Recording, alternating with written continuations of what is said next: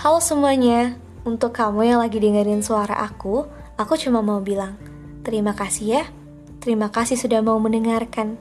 Terima kasih juga sudah mau berbagi cerita. Di episode Melangkah Maju Mencari Titik Temu dengan tema Move On. Selamat mendengarkan.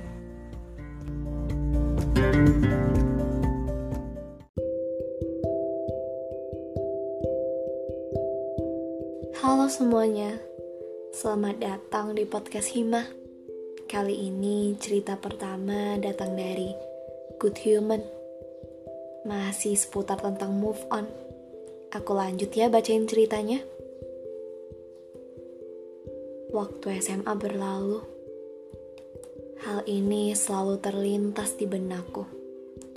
Bahwa pada saat itu, aku sangat kecewa atas diriku sendiri di mana banyak masalah yang muncul ketika itu, yang membuatku menjadi sosok yang jauh lebih kuat, baik dari segi emosi maupun mental.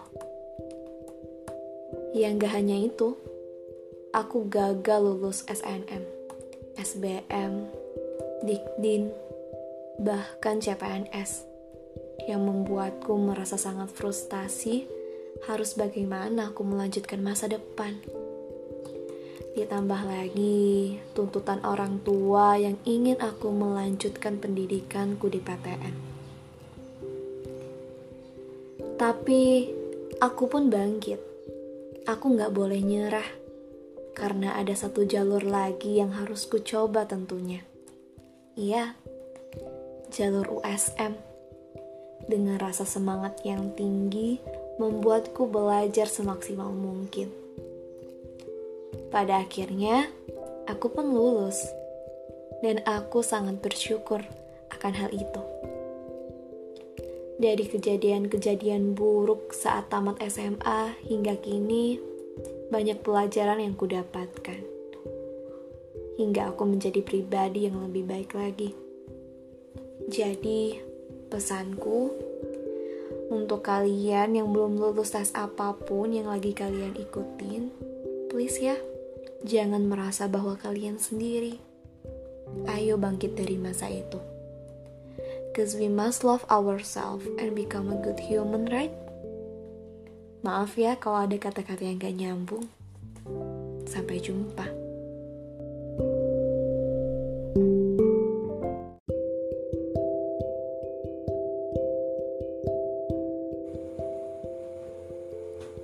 Hai kak, dengan anonim di sini. Menurutku, move on itu berdamai. Berdamai dengan diri kita, berdamai dengan keadaan yang ada, berdamai juga dengan masa lalu. Dan terakhir, berdamai dengan segala yang telah atau akan terjadi nantinya. Move on itu berat, aku tahu kok. Tapi yakin deh, Aku yang awalnya gak yakin bakalan bisa move on aja, akhirnya berhasil buat move on. Move on itu juga karena terbiasa, terbiasa menahan segalanya. Putus sudah berhasil membuatku terpuruk dan jatuh sangat dalam. Namun, prosesku kembali bangkit yang akhirnya menemui cahaya serta jalan keluarnya sungguh luar biasa. Kata orang, menyibukkan diri akan mempercepat proses move on. Nyatanya, aku gak setuju, Kak. Karena apa? Karena sesibuk apa pun, kalau emang lagi sedih tetap aja keinget dia. Ya tapi gak apa-apa. Karena semuanya juga butuh proses. Menurutku, Move on yang paling gampang adalah dengan menerima, melakukan hal-hal yang kita sukai, dan mengingat semua kejahatannya. Percaya deh, itu adalah cara yang sangat ampuh. Pesanku, teruntuk kamu yang sedang berada di fase galau dan sulit untuk move on. Semangat ya, aku tahu itu berat dan rasanya sangat sulit. Tapi aku percaya sama kamu bahwa kamu bisa bangkit dan berdamai dengan segalanya. Oh iya, move on itu berdamai ya, bukan melupakan. Jadi, kalaupun terkadang aku teringat tentangnya, itu bukan berarti aku gagal untuk move on. Ya justru aku sudah berdamai. Buktinya, aku sudah mengingatnya dengan tawa. Gak lagi dengan tangisan. One day, you will be with someone who will love you the way you deserve to be loved, and you won't have to fight for it.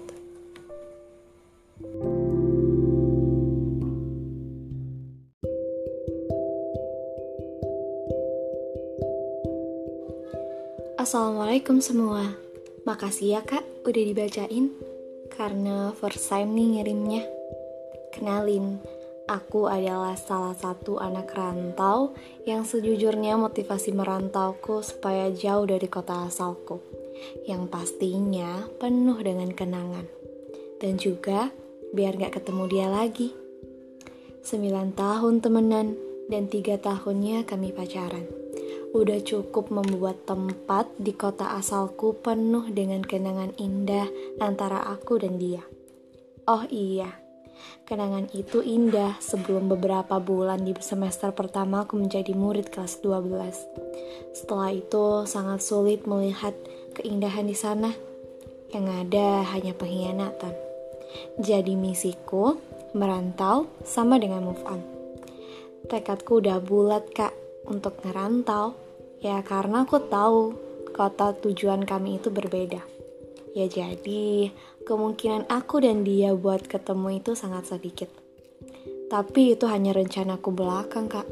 Ternyata Tuhan punya skenario-nya tersendiri. Pertemuan pertamaku ketika tes UTBK. Tanggal dan lokasi UTBK aku dan dia berbarengan. Bukan hanya itu, Kak tapi kami juga satu ruangan. Dan lebih parahnya, ternyata kita duduknya sebelahan. Ya Tuhan, ketidaksengajaan apa ini? Sedangkan pertemuan kedua aku ketika tes kedinasan, namun gak separah pertemuan pertama kak, karena kami beda sesi. Selanjutnya, pertemuan ketiga ini gak ada angin dan gak ada hujan, Tiba-tiba dia ngehubungin aku untuk pertama kalinya setelah kurang lebih tujuh bulan kita nggak komunikasi. Dia ngajak ketemuan, katanya sih ada mau yang diomongin. Aku iyain aja, walaupun kangen sih ya. Jangan tanya aku senervous apa, bayangin aja ketemu orang yang buat kita bahagia sekaligus sakit setelah beberapa bulan. Ya udahlah ya, akhirnya kita ketemu. Udah ngomong, yang pastinya ada perdebatan tentang masa lalu yang belum selesai. Lalu diakhiri dengan kesepakatan bahwa aku dan dia akan berdamai, yang berarti hubungan di antara aku dan dia akan baik-baik saja. Percakapan terakhir yang sangat aku ingat, dia cuma bilang, "Aku udah bahagia sekarang, kamu juga harus bahagia ya. Kamu harus cari kebahagiaan kamu." Setelah itu jangan nangis. Awas kalau kamu nangis. Aku pulang dulu ya. Udah ditungguin sama teman-temanku. Itu kalimat perpisahan dia pada hari itu. Enak banget ya kak ngomongnya. Tapi aku iyain aja, walaupun masih ada dendam. uh, tapi aku cukup sadar diri. Karena saat itu aku udah tahu kalau dia udah punya pacar. Jadi semenjak itu aku udah usaha banget buat ikhlasin dia. Oke, okay. dari semua pertesan yang kami jalanin ketika itu, ternyata aku dan dia tuh gak ada yang lulus kak. Dan gak ada juga komunikasi semenjak itu. Tapi, Alhamdulillah aku keterima di USM Unsri.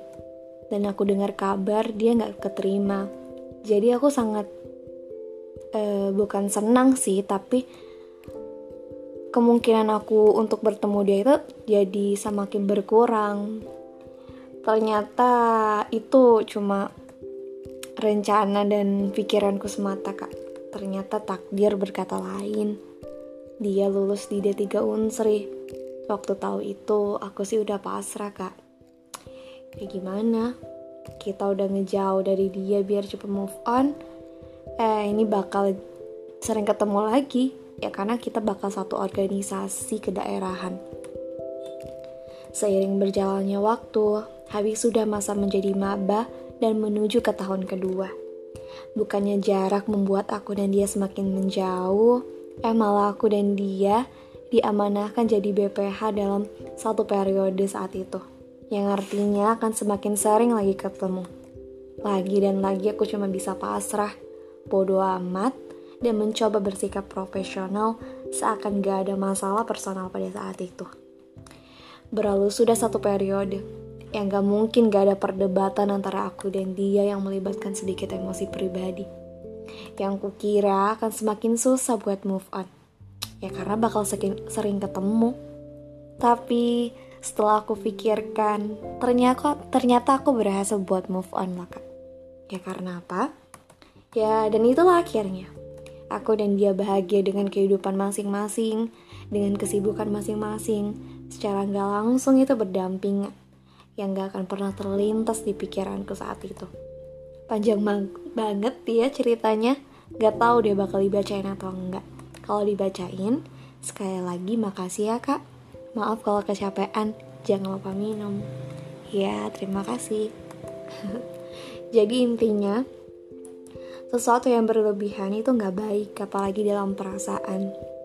Jadi secukupnya saja ya, biarkan waktu yang menjawab dan nikmatin aja prosesnya. Udah ya, segitu dulu. Maaf kalau ngebosenin dan gak bermanfaat. Salam kangen dari aku. Oh iya, happy holiday semuanya.